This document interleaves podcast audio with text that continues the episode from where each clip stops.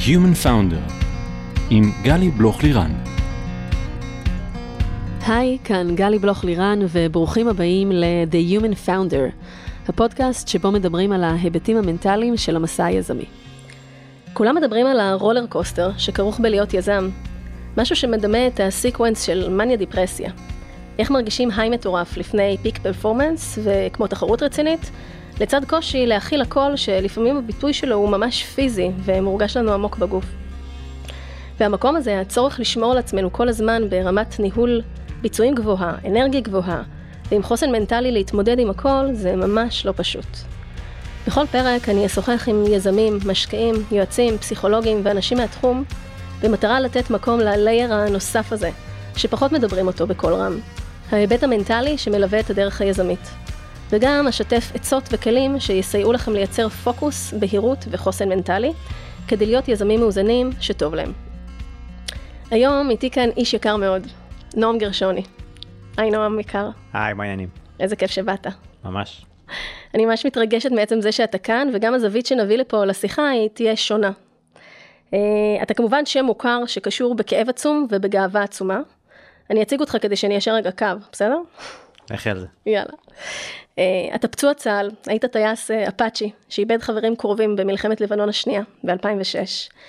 וב-2012 השתתפת בנבחרת הישראלית למשחקים הפראלימפיים בלונדון. התחרית בקטגוריית ה quad וזכית במדליית זהב בטורניר היחידים ובמדליית ארד בטורניר הזוגות, יחד עם שרגא ויינברג. אתה יועץ בסטארט-אפ בתחום השיקום שנקרא PlayWork, מרצה מבוקש, וממש עכשיו חזרת מהרצאה, והדלקת משואה ביום העצמאות ה-70 של ישראל ב-2018, וזה היה אחד מרגעי השיא של חייך, אני זוכרת אפילו את הדמעה שהזלת. וואו, אז רק לשאת בכל ההגדרות הללו זה חתיכת דבר. כן, נתת פה את כל השבנג בבת אחת, אז אפילו לא לקחת נשימה באמצע, כל הכבוד. יש עוד איזה משהו שאתה רוצה להוסיף ככה, לפני שנצלול? מספיק, מספיק הרמת לי, זה בסדר. מספיק מעכשיו נוריד. מעכשיו נוריד קצת. קול.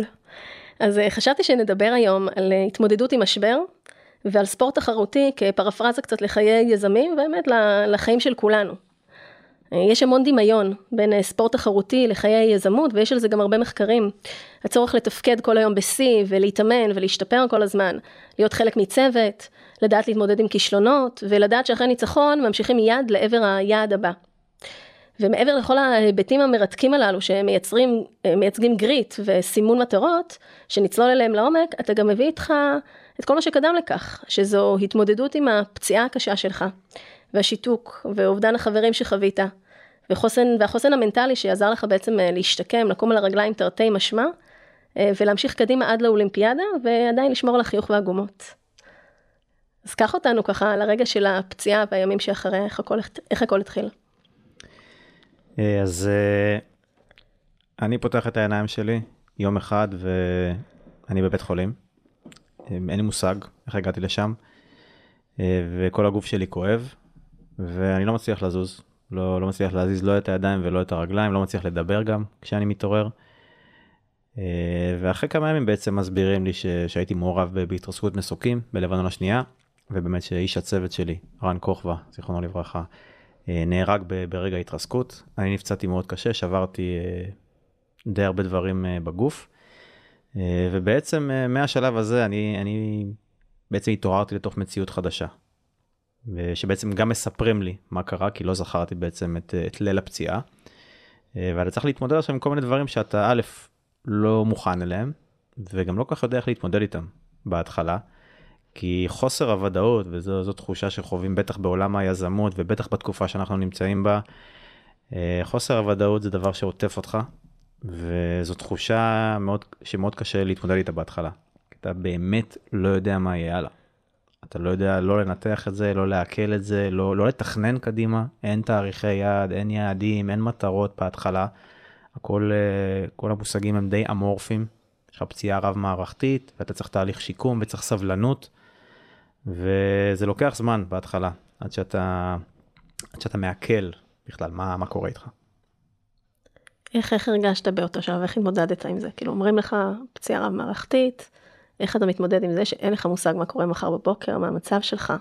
אז בהתחלה זה, אתה בעיקר, אתה מתנהל אה, די, די מעכשיו לעכשיו, כי באמת אין תכנונים קדימה וגם אתה לא, אתה עוד לא מבין את המשמעות העמוקה בעצם של מה זה אומר פגיעה רב מערכתית. אנחנו תמיד שומעים את זה בחדשות, מישהו נפגע תאונת דרכים, יש לו פגיעה רב מערכתית, אף אחד לא יודע מה זה אומר מאחורי הקלעים. ואני הייתי בטוח שחודש וחצי, חודשיים גבס, וחוזר לחיים שלי. חוזר לטוס. אה, אתה לא מבין את זה בהתחלה, את המשמעות העמוקה של, של פציעה, של מגבלה, של אובדן, כל הדברים האלה זה תהליך שאתה צריך אה, לאבד ולעכל. אז איך נראו הימים הראשונים אחר כך? היית, היית שם בשיקום, אחרי ניתוחים, אחרי טיפולים, ומה, איך נראה היום-יום שלך? אז uh, השבועיים וחצי הראשונים בטיפול הנמרץ זה בעיקר לשכב ולחכות. Uh, יש, uh, אתה רק מחכה לשעות הביקורים, יש חצי שעה בבוקר, שעה בצהריים, שעה בערב, כל שאר הזמן אתה רק שוכב ומסתכל, היית בסכנת חיים אז, או שהיית במצב יציב? כשהתעוררתי כבר לא, בלילה הראשון הייתי בסכנת חיים והצליחו להחיות אותי איזה כמה פעמים, גם בדרך לבית החולים וגם בטיפול הנמרץ עצמו. אה, וכשיצאתי מסכנת החיים בעצם אה, עוד הייתי מחוסר הכרה במשך אה, שבוע. ואחר כך זה הרבה ניתוחים והרבה, והרבה טיפולים ובעיקר להמתין. כי בשברים אתה צריך להמתין שהשברים יתרחו ובשברים פתוחים אז זה אפילו לוקח יותר זמן. ובגלל ששברתי את הגב אז הייתי צריך לשכב במיטה במשך חודשיים, אז בעצם השלב הראשון בשיקום גם הוא בעצם מתנהל כולו במיטה. והמיטה הזאת זה, זה כלא, כלא מאוד קטן. החיים שלך בעצם עוברים לתוך מיטה. אה, בן אדם שהיה רגיל לעוף ולטוס וספורטאי כן, והכל. רגיל לעשות הכל ופתאום כל הלו"ז שלך בעצם קורה בתוך מיטה לא קורה הרבה בלו"ז הזה אני חייב להגיד זה גם כן בעיקר המתנה וקצת טיפולים בהתחלה בגלל שהכל שבור. זה. היום שלך מתנהל בעיקר מסבל לסבל. כלומר החלפת תחבושות מקלחת אה, חיטוי פצעים כל הדברים האלה זה, זה בעיקר סבל אתה מחכה שזה ייגמר. ואז יגיעו גם באמת שעות הביקורים לראות את המשפחה את החברים. ואיך אתה מעביר את הרגעים האלה שהם נורא קשים ועצובים וגם כואבים וככה מלא מלא מחשבות. אתה ציני שם, אתה חיובי שם, אתה מתוסכל שם, אתה כועס שם, אתה מדוכא שם, מה, מה אתה מרגיש שם? קצת מהכל. כן, כל מה שאמרת בגדול, כל מה שאמרת ועוד. ועוד.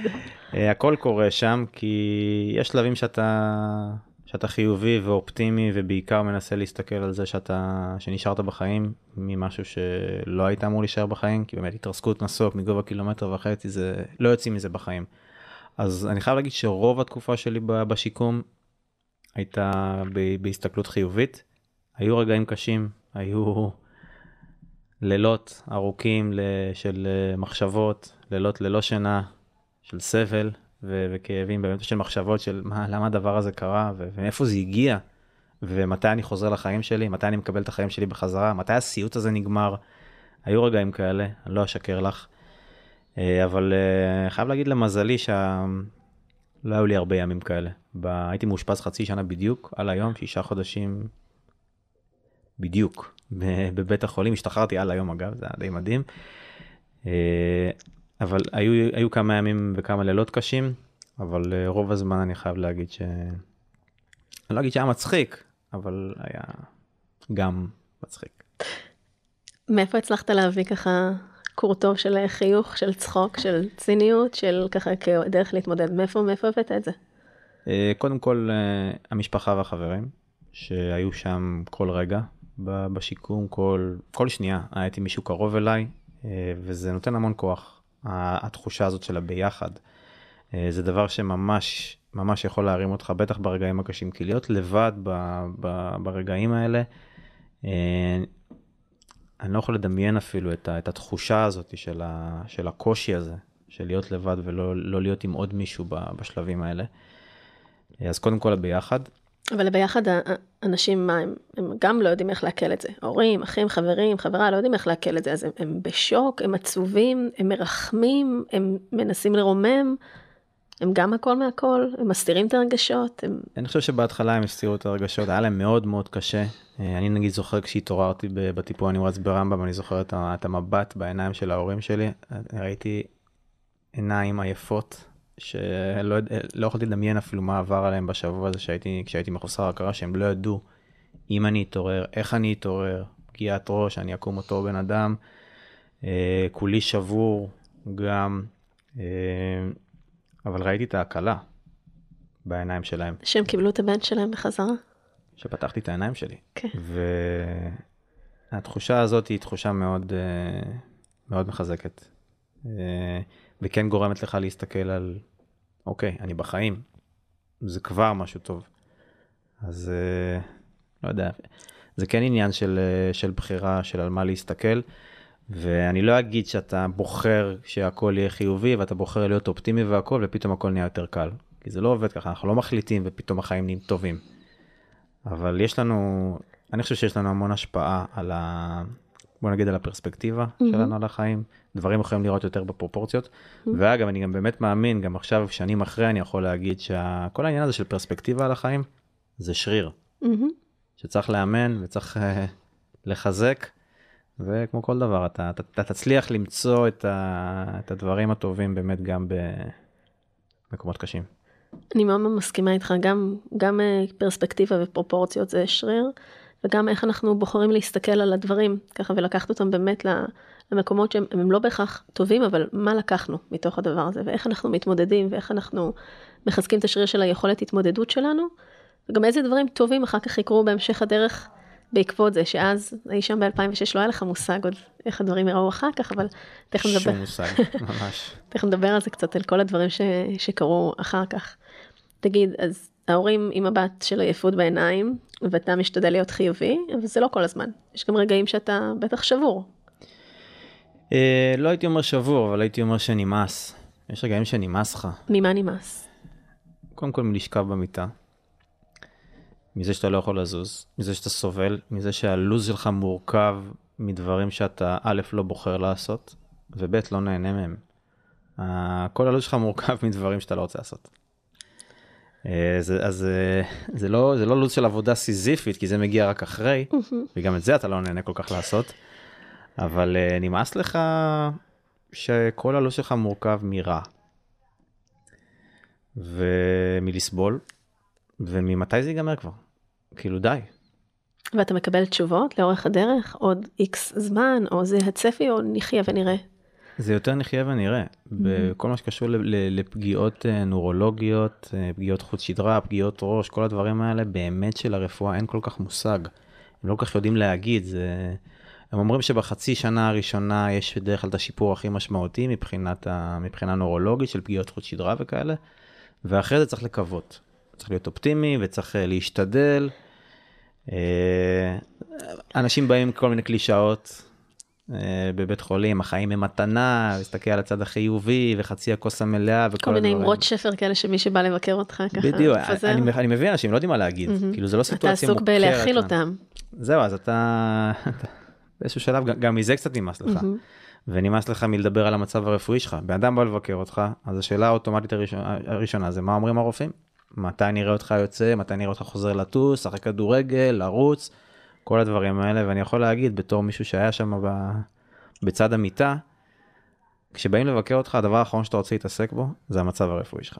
אני רציתי, אני אהבתי את הביקורים של חברים שלי שבאו ודיברו איתי על בחורות, ודיברו איתי על ספורט, ומה קורה בטייסת, ומוזיקה, והדברים שהרכיבו את החברות מה... שלנו. כן, כן, אתה לא רוצה להתעסק, כל... אני מספיק מתעסק בזה, תאמינו כן. לי. עכשיו, הם לא באים מיצר צהוב וחטטני, הם באים באמת מסקרנות ודאגה.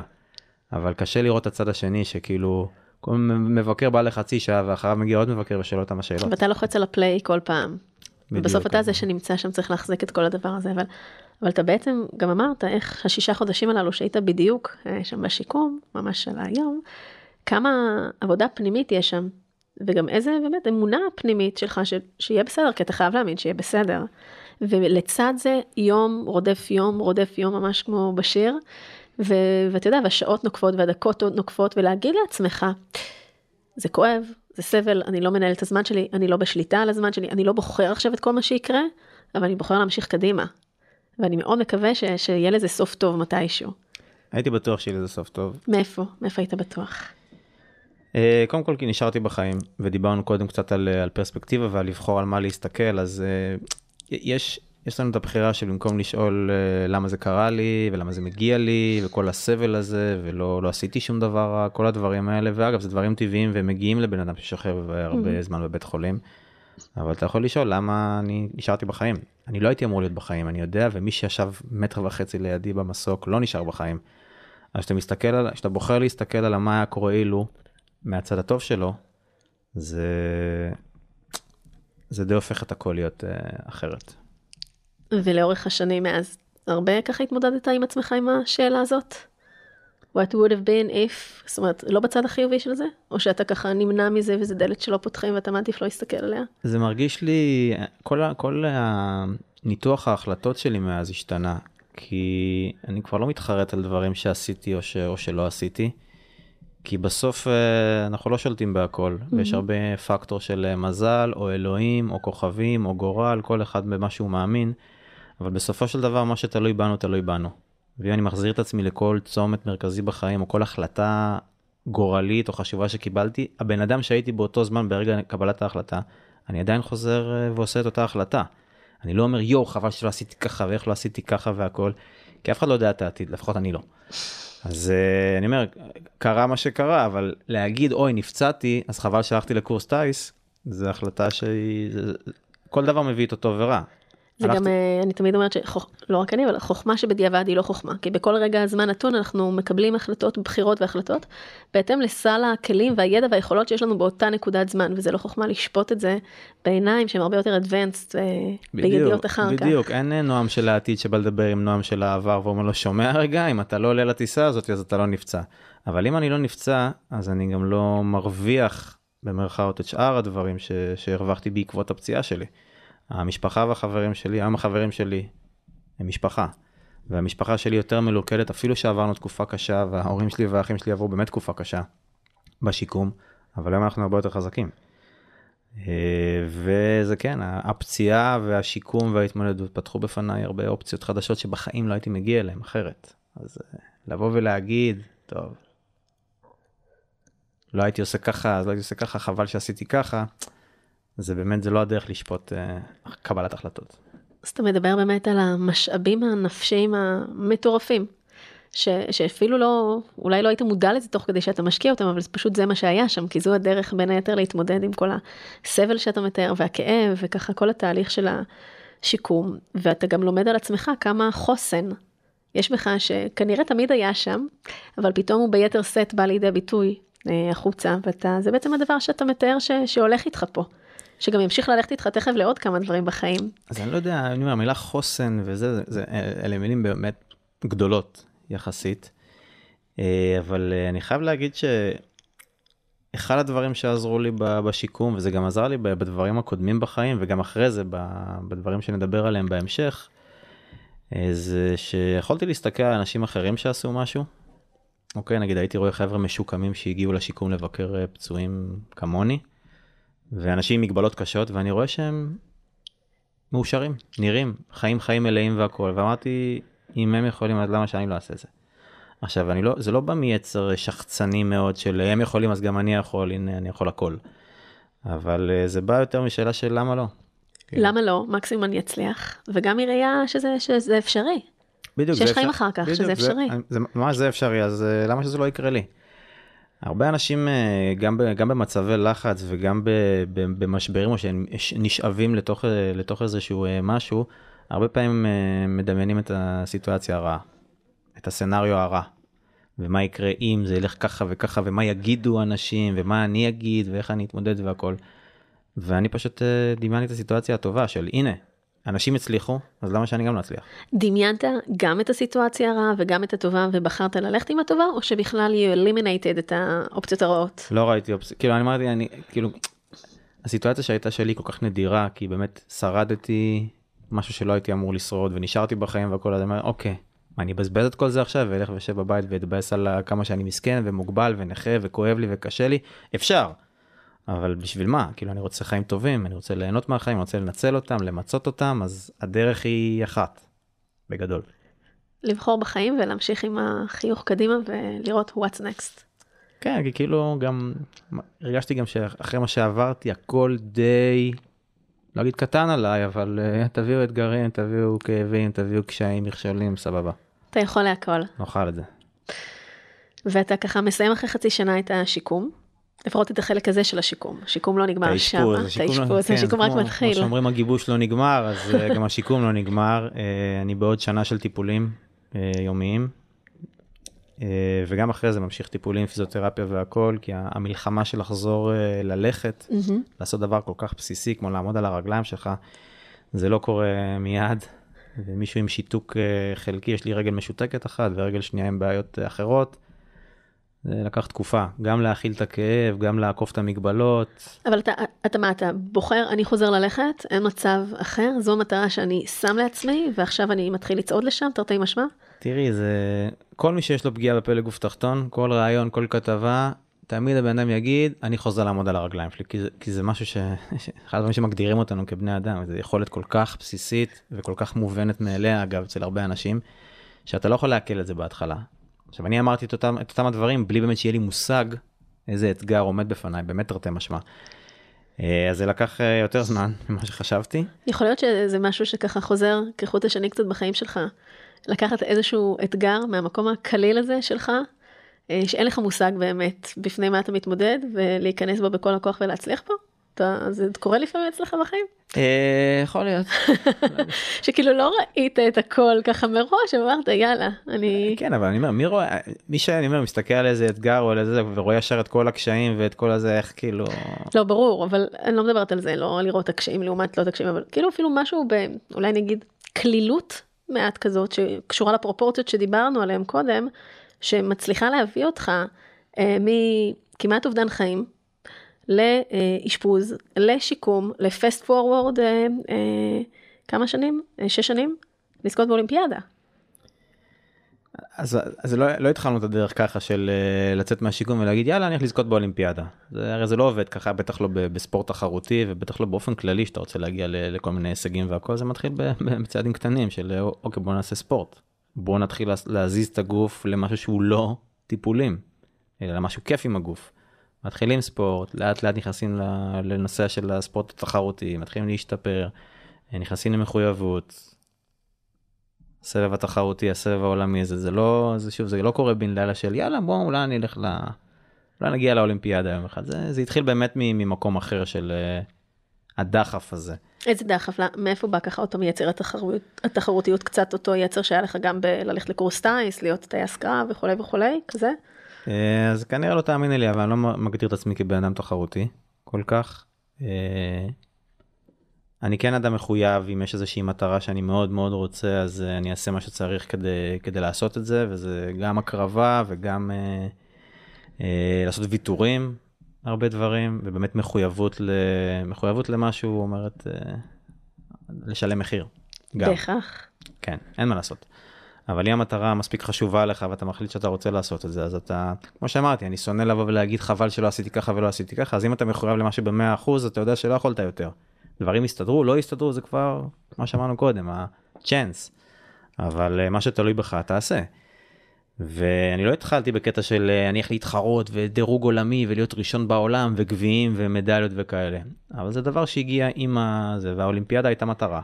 אחרי שהייתי בכמה שנים בספורט התחרותי. באיזה שלב היא הפכה להיות מטרה?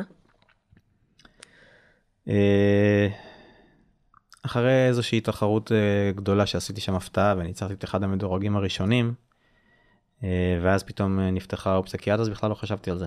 אמרתי, טוב, אני, אני משחק באמת בשביל הכיף. אני בא, מי שעושה ספורט יודע שזה קודם כל בשביל הנשמה, בשביל הכיף, ולנצח ולהפסיד, זה לא הכל בחיים, ונורא קשה לנו גם, זה, זה גם ראיתי בסבב העולמי, נורא נורא קשה להפריד בין התוצאה הסופית למה שקרה בדרך. והיו משחקים ש... שניצחתי והייתי מבואס בסופם, כי לא למה? שיחקתי טוב. כי לא שיחקת טוב? כן, לא שיחקתי טוב. זה שניצחתי, זה יכול להיות שהיה, שהיריב שלי פשוט דפק לעצמו את המשחק ונתן לי את המשחק במתנה. מהמם. נורא נורא קשה לנו לה- להפריד בין התוצאה הסופית למה שעשינו בדרך לשם, כי כשאנחנו מנצחים, אנחנו מרגישים טוב. אין מה לעשות, זו תחושה פיזית. וזה לא בסדר להרגיש טוב? גם אם יכול להיות שיכולת לשחק משחק שהוא עם פרפורמנס קצת יותר טוב? אה, בעיניי לא, אוקיי. כי זה בא לשני הצדדים. היו משחקים שהפסדתי והרגשתי ממש טוב. כי שיחקתי טוב ונתתי את המאה אחוז שלי ווואלה, באמת שיש דברים שלא תלויים בנו, ואם היריב שלך יותר טוב ממך וקם ביום יותר טוב ממך, אז אה, וואלה, מגיע לו לנצח. אז אתה בעצם מדבר על אה, סוג של נקרא לזה אולי אינטגריטי כזה או, משהו כזה מאוד מאוד מדויק היכולת ככה ממש להסתכל עם עצמך פנימה ולשאול את עצמך באמת איזשהו מד אה, מד אה, אה, אה, כמו מד דופק כזה, מד, מד התבוננות פנימי על, ה, על הביצועים הכנים והאמיתיים שלך, הרגשיים והפיזיים, כמה טוב הייתי, כמה הייתי בשיא שלי, וככה לקייל, לחייל את הדבר הזה. וזה, אגב, זו גם הדרך בעיניי להשתפר הרבה יותר מהר. כי כשאנחנו מפסידים או נכשלים במשהו והכול, אז ישר חוזרים רגע לשולחן השרטוטים, מה לא עשינו, מה לא עשינו בסדר. יכול להיות שעשינו הכל בסדר. יכול להיות ששיחקנו מעולה ומושלם וביצענו את הטקטיקה והכל, ודברים לא הסתדרו כי א', ב' וג'. ויכול להיות שניצחנו, והשגנו מה שרצינו, ולא היינו טובים. והיינו צריכים לעשות את זה אחרת, ואנשים שלא מסתכלים אחורה, הם, עשינו משהו טוב, הצלחנו, אז סבבה, לא צריכים להסתכל מה עשינו. הרבה פעמים אפשר ללמוד גם מהצלחות ולא רק מכישלונות, אנשים תמיד הולכים מתחקרים כישלון ומה mm-hmm, עשינו לא בסדר, mm-hmm. וואלה.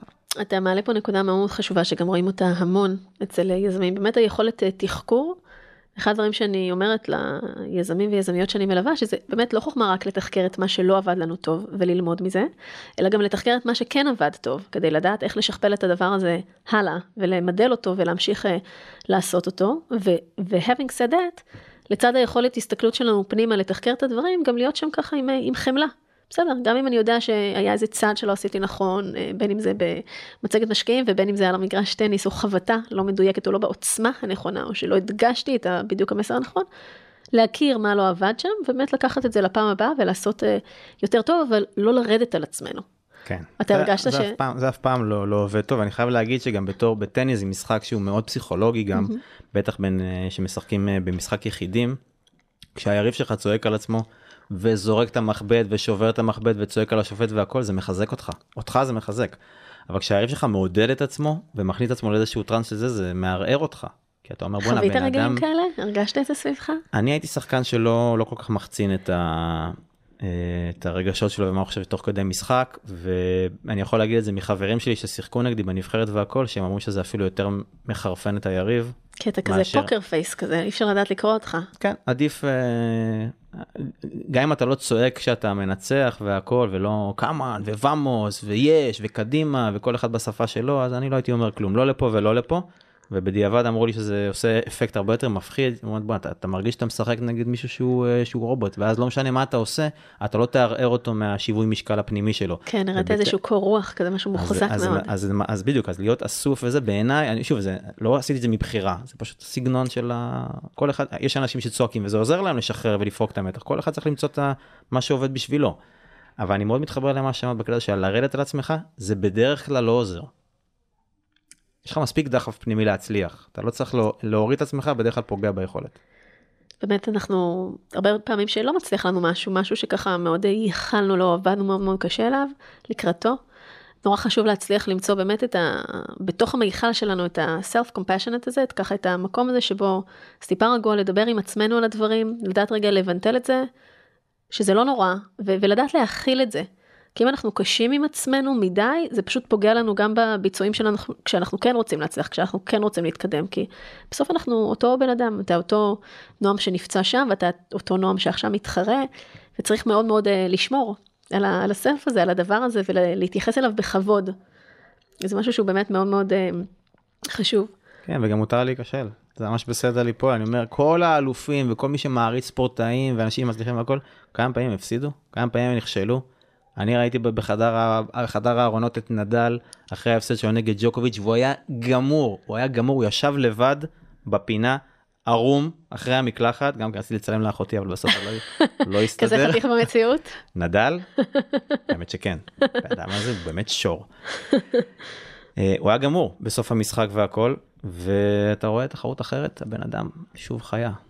הוא, אני אומר, הוא מבואס מההפסד, אין ספק, זה מאכזב, זה מבאס, זה, אבל זה לא, זה לא שובר אותו. אבל לא, גם לא ההפסדים לא האלה צריך לתת להם מקום, בהחלט, כי וואלה, ספורטאי שהוא כל כך אה, מצליח וכל כך אה, בשיא כל הזמן וזוכה בכל כך הרבה דברים, צריך גם לתת מקום לרגעי הכישלון האלה. לחלוטין, וגם אתה לא יכול להיות בשיא כל הזמן. אין דבר כזה של להיות כל הזמן ב-150 אחוז, וזה בספורט תחרותי זה פשוט לא עובד ככה.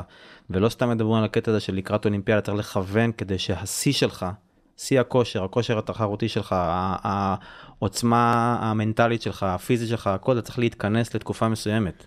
וזה זה עכשיו, זה די מדהים, כשדחו את, את האולימפיאדה ב-2020, אני, ליבי על הספורטאים שצריכים, אחרי שהם התכווננו לאיזה תאריך מסוים, צריכים עכשיו לשכפל את זה לעוד שנה, של אינטנסיביות מטורפת. ו- ו- איך מייצרים את עוד הערכת אה, תוקף הזאת בדיוק, לכל הדבר הזה. אז, אז זה הולך לשנות את, את הפנים של, ה, של הספורטאים הכי טובים, כי זה, שוב, אתה לא, אתה לא בפיק שלך תמיד, זה גם מה שאתה צריך ללמוד על עצמך. איך להגיע בפיק שלך לנקודה הכי חשובה בקריירה שלך. איך עושים את זה? תספר לי איך אתה עשית את זה.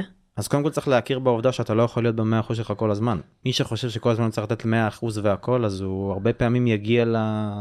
לנקודה שבה הוא באמת צריך להיות במאה אחוז, יגיע עייף, יגיע מותש, מנטלית ופיזית.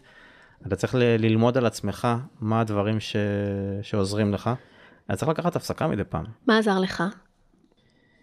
אה, אז אני אגיד את זה ככה, מדי פעם לעשות איזה ברייק מהטניס, כי אתה כל כך שקוע, אתה כל כך בתוך זה, שאתה חייב רגע לעשות איזה pause לשנייה אחת, ומבחינתי הייתה מסורת עם, אה, עם החברים, לטוס לווגאס כל שנה, לשבועיים, וזה break מהכל. זה break נשמע מהחיים. כיף. מה זה כיף. עשינו בעיקר סיור מוזיאונים שם וכאלה, אבל זה עדיין break, זה. עדיין break חשוב, אה, זה break חשוב אה, מהחיים וזה נותן לך דלק. כל בן אדם צריך למצוא את הדלק שלו, של מה, מה ייתן לו את, ה, את ה drive לחזור ולהיות ב-100%, כי שוב, מי שחושב שיכול להיות ב-100% כל הזמן, 24/7, זה פשוט, אה, אנחנו לא עובדים ככה, אנחנו לא, אנחנו באמת, אנחנו לא רובוטים בסופו של דבר. אז כדי ל- ל- להגדיר מראש, כדאי להגדיר מראש את הנקודות שבהן אתה צריך להיות בשיא. אולימפיאדה זה מאוד קל, זה פעם בארבע שנים בדרך כלל, ואתה צריך להתכוונן לשם. אז התחרויות הגדולות בדרך לשם, צריך להגיע אליהן בפיק, כדי להצליח בתחרויות האלה הכי הרבה. ואם זה אומר לוותר על תחרות 2 בדרך, אז מוותרים על תחרות 2 בדרך. אפילו אם זה שאתה- תחרות בישראל, אני הייתי צריך לוותר על התחרות, על הישראל אופן, אהה. כי הסתכלנו על הלו"ז לקראת אולימפיאדה, ואמרנו, אני לא יכול להיות אבל עכשיו בעשר תחרות גדולות לפני האולימפיאדה, כי זה, זה מתיש אותך, אתה גם רוצה להגיע עם רעב רעב לשחק. הפרש. כן, בדיוק. אתה בעצם, אתה יש בעצם משאבים אומר, מנטליים שהם הרבה יותר משאבים פיזיים, שאם אתה מגיע עייף מנטלית למשהו, זה, זה משפיע על, ה, על היכולת שלך הרבה יותר. אני חושבת שזו אה, עצה מצוינת והיא מאוד נכונה, הרבה פעמים גם רואים את זה עם יזמים, נגיד בסבבי גיוס, למשל, אה, שעוברים ככה מפגישה לפגישה לפגישה לפגישה, ובאמת לעצור שנייה קצת בין לבין, ולראות איך מרגישים, והרגע לתת לעצמנו to recharge ו-refuel כדי לראות איך, איך להמשיך יותר חזק ויותר טוב, וגם לדעת איפה לפעמים צריך לסנן. ולא לעוט על כל הזדמנות שיש, כי אי אפשר הכל, כמו שאתה אומר, יש אי לנו אפשר. משאבים מוגבלים, אין, כבני אדם, גם בזמן כמובן, אבל גם אה, משאבים נפשיים, מנטליים, כוחות. שיעור ראשון בכלכלה באוניברסיטה זה אה, הקצאת משאבים, זאת אומרת שמשאבים מוגבלים בעולם הזה, אתה יודע, זה, זה הבסיס שעליו קמה הכלכלה. וככל שנאמץ את זה לחיקנו ונבין את זה, באמת, המשאבים המנטליים, מעבר למשאבים החומריים, שאת זה קל לנו יותר ככה לתפוס, כן. באמת משאבים מנטליים, וכל אחד צריך לדעת איפה הגבולות גזרה שלו, ואיפה הוא, כמו שאתה אומר, אה, מוצא את המקומות האלה להתחזק ולמלא את עצמו, להיטען, כדי שיוכל להמשיך. אז כן, ומי שבתחילת הדרך אגב, ואני הייתי ככה בתחילת הדרך ולא הכרתי את עצמי, אני יכול להגיד שאפילו שאנחנו מרגישים שאנחנו יכולים עוד ועוד תחרות ותנו לי עוד טיסה ותנו לי עוד זה ופתאום הגוף שלך מתחיל לאותת שוואלה הגזמת. חטא ההיבריס כזה קצת. כן אני יכול אני צעיר אני בתחילת הדרך אני רעב להתחרות אני רעב ל- להשיג עוד נקודות אה, דירוג ולהתקדם אה, ב- בסבב העולמי. אבל אה, מי שבתחילת הדרך ועוד לא מכיר את עצמו בהיבט הזה שידע שהוא לא סופרמן וכל אחד צריך את ההפסקה ואפילו יעשה, שיעשה הפסקות יזומות בלי שהוא מרגיש שהוא צריך את ההפסקה. Forced, כדי שבאמת הגוף ייכנס לעצמו.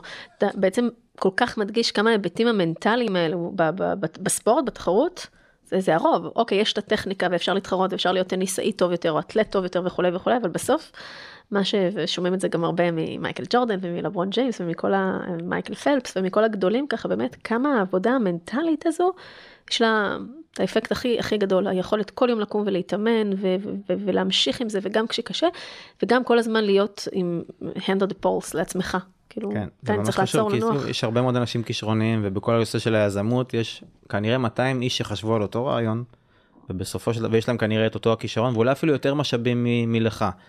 אבל אם אתה יודע לווסת את ה, גם את המשאבים אה, שלך וגם שוב לדעת להתמודד עם כל הדברים שדיברנו עליהם מקודם יכול להיות שזה מה שיעשה את ההבדל בינך לבין האחרים כי העולם הזה הוא מאוד קשה העולם התחרותי. כל העולם התחרותי לא משנה אם זה ספורט או יזמות או עסקים או הכל הוא עולם קשה. הרגשת, הרגשת שם רגעי לחץ? באולימפיאדה כן. תתאר לי איך זה נראה.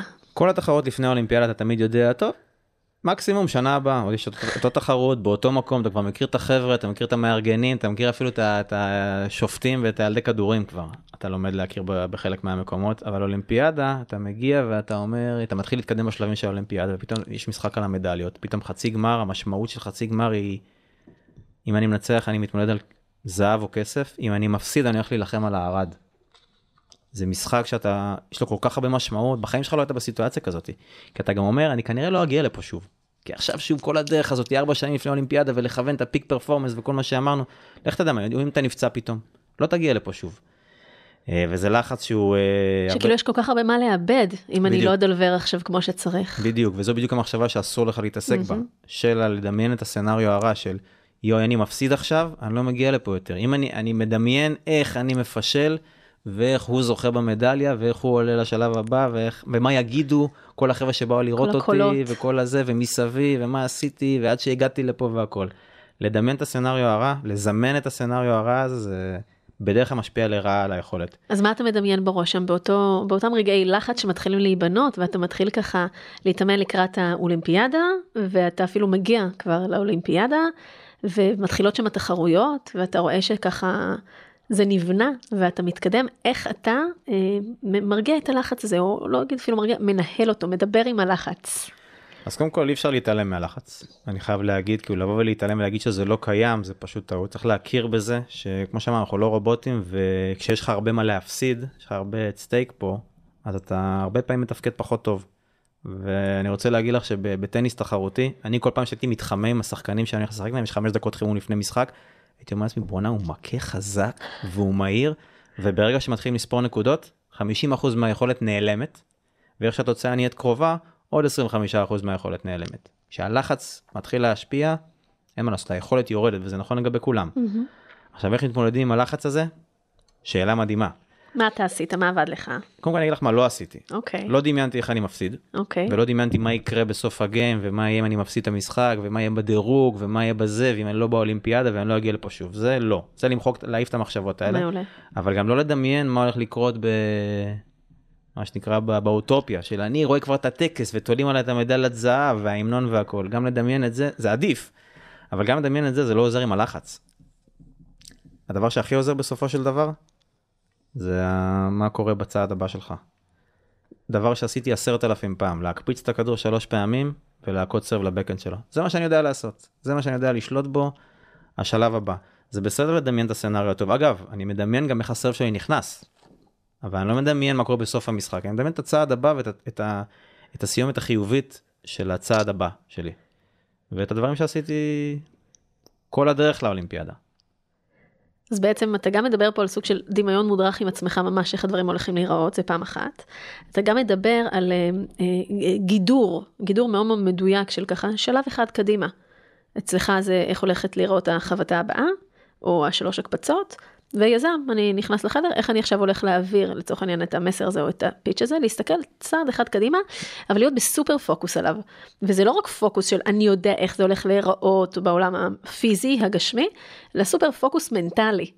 אני עכשיו על הדבר הזה ואני הולך לעשות את זה הכי טוב שאני יכול. כן, להכניס את עצמך לזון זה גם משהו ש, שלומדים תוך כדי, אה, אם, אם מניסיון אתה לומד את, את, עצמ- איך להכניס את עצמך למצב של ריכוז, איך הכנסת את של עצמך פוקוס. למצבים כאלה?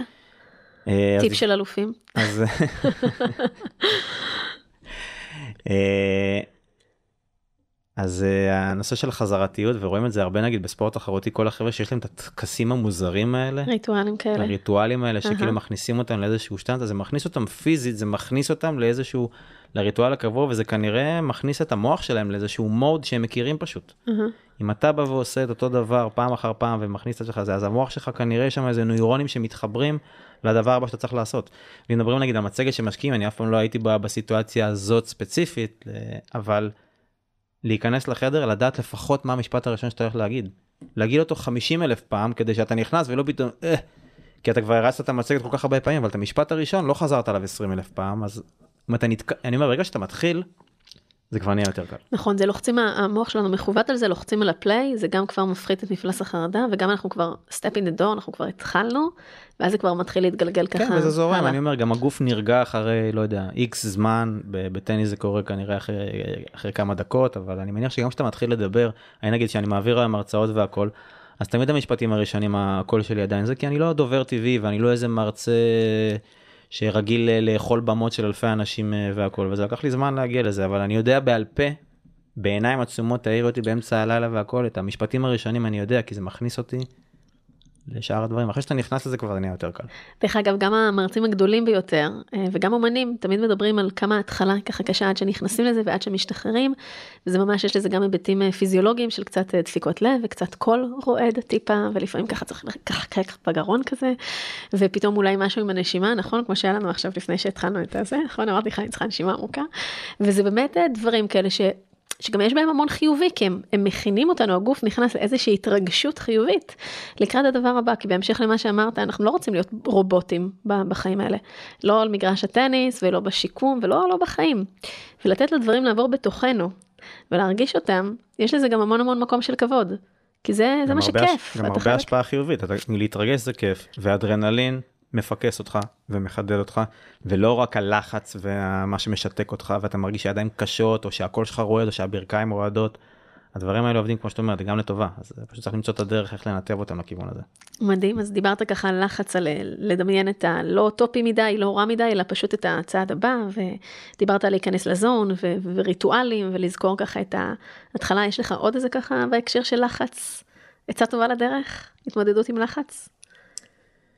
אה, אז שוב, אני לא יכול להגיד את זה לגבי האולימפיאדה, אבל בדרך כלל, בדרך כלל, וזה עניין של פרופורציות מה שאמרנו, בדרך כלל יש עוד הזדמנות. כמעט בכל סיטואציה בחיים שלנו, תהיה לנו עוד הזדמנות.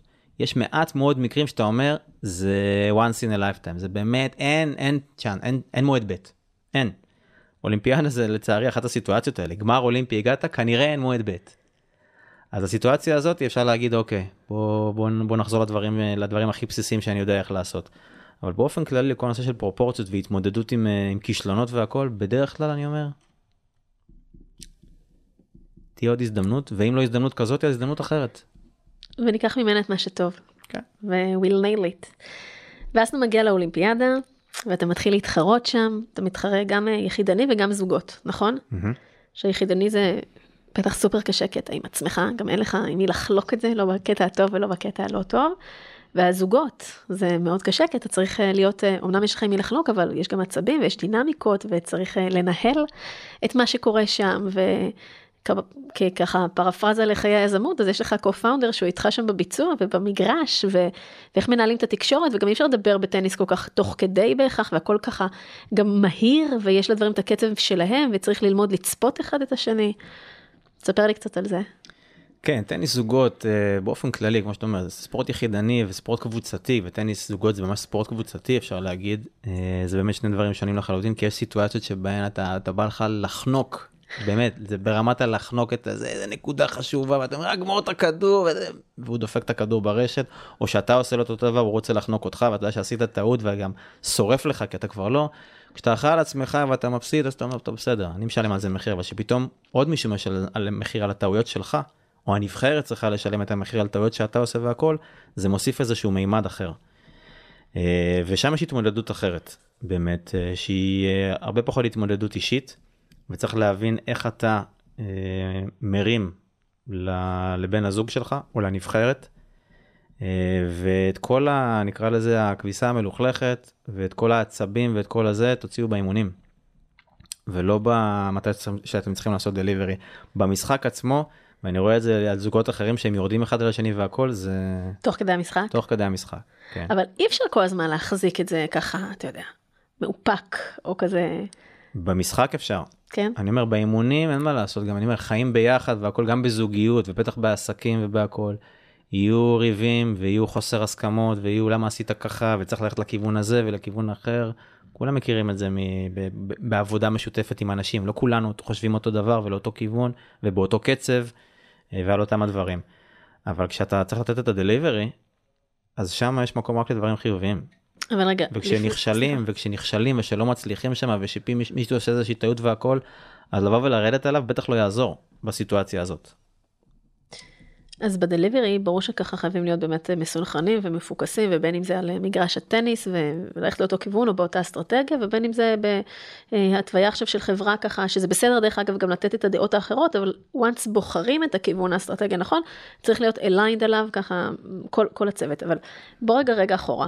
איך אתה בוחר לעצמך את אה, שרגא או שבחרו לך או איך ידעו לעשות את המאץ' הנכון הזה שהוא יהיה הפרטנר שלך שאיתו אתה הולך להתחרות שגם יש התאמה פיזיולוגית או בסיג בסגנון או בתנאים, אה, או אפילו בנסיבות אימונים, ככה שאפשר לכם, וגם התאמה מנטלית. האם אתה חושב שצריכה להיות שם התאמה מנטלית?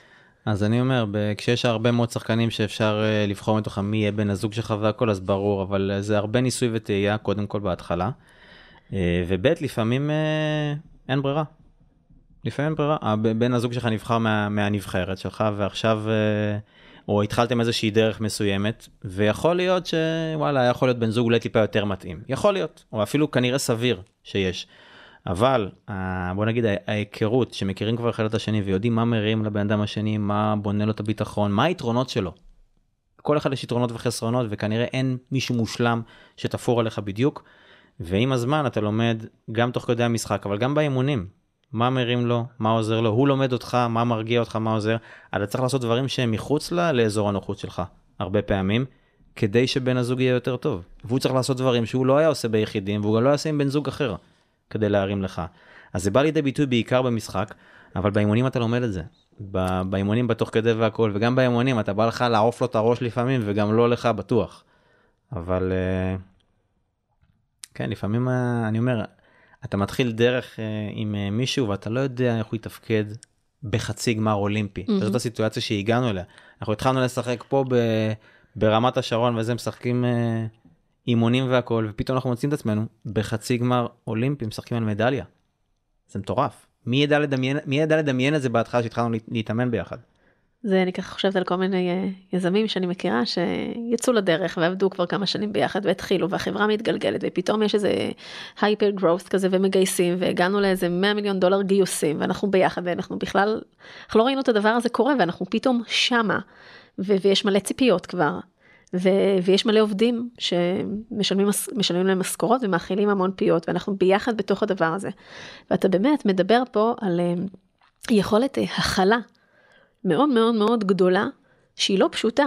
זאת אומרת, לא קל להיות בסיטואציה הזאת של כל הזמן להכיל את השני ואת הגחמות ואת הדרך התנהלות, ולא תמיד אתה מסכים עם כל מה שקורה שם, אבל עדיין, וזה קצת מתקשר למה שדיברנו קודם, הקומיטמנט הזה שיש לך, שפה זה גם לטניס במקרה הזה, וגם לבן זוג כזה או אחר, שעכשיו אתם, you're in it together, for the long haul, אתם ביחד בתוך הדבר הזה, כן. ו- ו- ו- ו- ולוקחים את זה לטוב, לוקחים את זה טוב, לטוב, לצד כל הקשיים, יש פה באמת אה, יכולת גם מאוד לראות את האחר.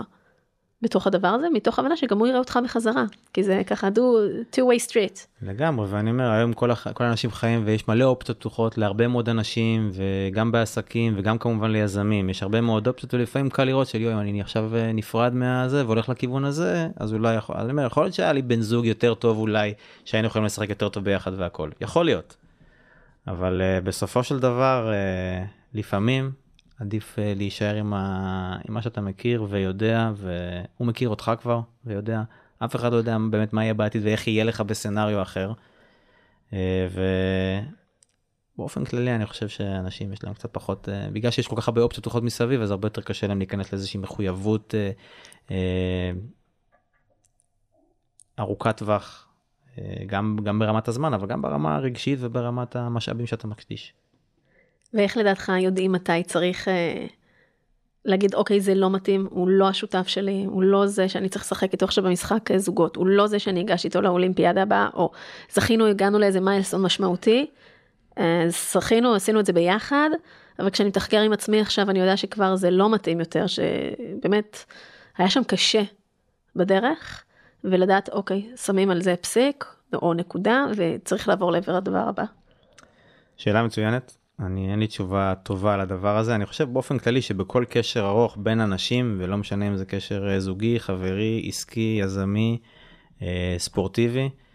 אני חושב שקודם כל האינטואיציה מגיעה ואומרת לך את זה לפני, עד שאתה בעצם, עד שהמוח מבשיל להחלטה הזאת של וואלה, אנחנו צריכים uh, להפריד כוחות, האינטואיציה בדרך כלל יודעת קודם, uh, והיא כנראה, נקרא לזה הנורה הראשונה, של, uh, שמתחיל, שמתחיל בך הספק והכל, שם זה מתחיל, ושוב, לא צריך לקחת את זה משם לאוקיי, בוא נפצל כוחות. אבל uh, אין לי, אין לי מתכונת לטוב, עכשיו זה הגיע הזמן להרוס. כנראה זה משהו שכל בן אדם מרגיש בקצב שלו ובאופי שלו. באמת הרבה פעמים מדברים בקבלת החלטות ככה על כמה אנחנו מרגישים כבר ברגע שבאינטואיציה את הדברים, אבל מחכים זמן בעצם עד שהמוח שלנו ייתן את האות, את הקיו. או עד שיש איזושהי חותמת אה, פיזית אה, תוצאתית שאומרת אוקיי הנה עובדה זה לא זה לא קורה ידעתי מראש שזה כנראה לא יעבוד והנה זה באמת לא קרה. ודווקא במקום הזה אני לא אומרת שצריך להיות עם אה, ככה פזיזים או כלילים בקבלת ההחלטות אבל כן אם נלמד להקשיב יותר למה שאנחנו מרגישים מבפנים האינטואיציה בדרך כלל מסמנת לנו כמו שאמרת היא מאותתת לנו. היא מאותתת מתי צריך להתמודד מתי צריך להפסיק להתמודד מתי צריך להתעקש על משהו מתי צריך לשחרר משהו מתי שווה להילחם לעבר איזה מיילסטון או יעד או תחרות באה וצריך ככה ללמוד אה, לדייק. אה, ולהקשיב את הדבר, לדבר הזה. תגיד, כשהיית עם שרגא, נגיד, איך, אה, איך הרמת אותו? או איך הוא הרים אותך? אז uh, בשונה מטניס יחידים שבהם אני לא מוחצן ולא, ולא צועק שום דבר והכל, בטניס זוגות אני פתאום נהיה פרא אדם. כל ווינר שהוא דופק אני פתאום צורח עליו, כן שרגא, כן, ובא, וכל נקודה שאנחנו עושים, וגם כל נקודה שאנחנו מפסידים, אנחנו תמיד נותנים כיף. זה לא משנה אם ניצחנו את הנקודה, הפסדנו את הנקודה, לקחנו את הגיים, לקחנו את המשחק, תמיד יש מגע. זה טקס שהחלטתם עליו מראש, או שזה פשוט קרה באופן טבעי? זה קרה באופן טבעי, זה, אני אומר, את, את העניין של הלצעוק ולעודד אחד את השני והכל בקול רם וממש בצעקות, אני מסיים משחק עם שרגא צרוד, לא משנה אם ניצחנו או אני מסיים אותו צרוד. ובטניס רגיל אני לא מדבר בכלל, בטניס יחידים שום דבר. אה, אז זה דבר שאין מה לעשות, שלומדים עם הזמן ובאמת בהיכרות של, של שנים ושל הרבה משחקים לראות מה מרים אחד לשני. אה, ו... גם הנושא הזה באמת של, ה... של הכיפים, של המגע, בהתחלה זה היה אחרי נקודות אה, ש... שהפסדנו. אמרנו בוא נעודד אחד את השני אז בוא ניתן כיף אחרי כל נקודה שהפסדת והכל ואחרי זה למה לא גם להרים למה לא להרים כש... כשלקחנו נקודה למה לא מעבר לצעקות והכל. אז התחושה הזאת של הביחד שוב היא טובה בעיניי גם בהצלחה וגם בכישלון. מקסים וגם מקסים לראות איך אתה מתאר את עצמך, את אותו בן אדם, את, אותו, שח, את אותו שחקן, מתנהל אה, באופן אה, אחד ואסוף כשאתה ככה לבד, אה, כשאתה משחק, או כשיזם הוא לבד בתוך פגישה לצורך העניין, והוא צריך לדלבר את הכל והכל על כתפיו, אל מול הסיטואציות שבהן אתה בזוג, ואתה יודע להתאים את עצמך לתוך הדבר הזה ולתת מקום לאדם השני שנמצא איתך, ואותו דבר גם צוות בעצם ש, שבא עכשיו לשכנע או לגייס כסף וכולי, והרבה פעמים משקיעים מה שהם מסתכלים זה גם האינטראקציה, ולראות איך הם נכון. עובדים ביחד. סופר אה, חשוב. הכבוד שהם נותנים, ההדדיות, הסינכרון. הסינכרון, זה, זה, לא, זה נורא נורא חשוב, נכנסים אחד לב... במילים של השני ואומרים לא זה לא ככה זה אני אומר זה, זה מאוד ניכר וגם הסינכרון שלנו בזוג כי אנחנו אף אחד מאיתנו ב, ב, בעד עצמו הוא לא שחקן זוגות מדהים אבל הסינכרון והתקשורת שלנו מאוד מאוד טובים, וזה ניכר גם ששח... שלא אוהבים לשחק נגדנו. אנחנו זוג שלא אוהבים לשחק נגדו, בגלל זה, לא כי אנחנו הכי טובים. כי אתם בלתי מנוצחים כאלה במנטליות שלכם? אנחנו, כי, כי הם יודעים ש, שיהיה קשה נגדנו, גם אם ינצחו, יהיה קשה. כי גם, גם אם מישהו איתנו תופס יום לא טוב, uh-huh. אז השני יודע לבוא ולפצות עליו. גם לעודד אותו, אבל גם להיות, גם להיות יותר דומיננטי ביום הזה שהשני פתאום פחות טוב. אתה דיברת עכשיו, זה מדהים, גם על אה, סינכרון מול חוץ וגם סינכרון פנימי ותקשורת ובאמת ה, ה, to compensate ככה כאילו לפצות שאם יש מישהו שמגיע פחות בשיא היום מכל uh, סיבה שהיא יש לנו דברים לפעמים בבית שאנחנו מתמודדים איתם דברים בחברה פתאום שקרו ולדעת לראות ולקרוא אחד את השני ולפצות על מה שצריך כי בסוף אנחנו אחד בתוך הדבר הזה, ו- וזה עלינו, זה על שנינו או שלושתנו, תלוי כמה חבר'ה אנחנו בצוות. אצלכם זה בזוגות, בסטארט-אפים זה בדרך כלל שניים, שלושה, ככה בקו-פאונדרים. כמה זה חשוב, הדבר הזה. צריך גם לדעת לתקשר את זה אחד לשני. אני ביום שאני לא טוב, נגיד פתאום רואה, וואי, הפורן שלי לא פוגע טוב הכל, אני אומר, רגע, תשמע, אני זה, תיקח את הכדורים של האמצע. מעולה, הוא לוקח. זה... Uh, באמת לדעת להגיד את הדברים as is ואפ פרונט, ככה לא לחכות שפתאום יעלה משהו, באמת לדעת לשים את הדברים על השולחן ואיך כן. אנחנו מתמודדים עם זה עכשיו. אחי, לא ישנתי טוב בלילה כי לא נרדמתי, כי לחץ, כי שתיתי, כי לא יודע, היה רעש אה, שעוברים את הדירה מעליי. אפשר להגיד את הדברים האלה מראש, אני אומר, הוא יכול לדעת שעבר עליי לילה קשה והכל, אוקיי, מעולה, אתה תעלה פחות לרשת היום, תשחק יותר safe. סינכרון זו מילה מאוד מאוד מאוד חשובה. בחיים, בכל מערכת יחסים, זוגית, עסקית, ספורטיבית, whatever, אה, מאוד מאוד מאוד אה, חשוב. אז אתם זוכים באולימפיאדה, ומקבלים את המדליה הנחשקת. מדליית ארד. כן. אבל אתה חוזר עם עוד אחת. נכון. ואתה ככה עם גאווה גדולה בלב, תחושת uh, הישג, תחושת uh, שמחה, מה אתה מרגיש שם? אה, האמת שהתחושה הראשונה הייתה הקלה, חייב להגיד. אה, המתח והלחץ שמתכנסים לתוך אירוע אחד ולתוך אה, משחק אחד, המשמעות שלו היא כל כך כל כך גדולה, שהתחושה הראשונית זה הקלה. ואחר כך זה השמחה של הבואנה, זה, זה קרה, כאילו, זה באמת קרה. ואחרי זה, חגיגה.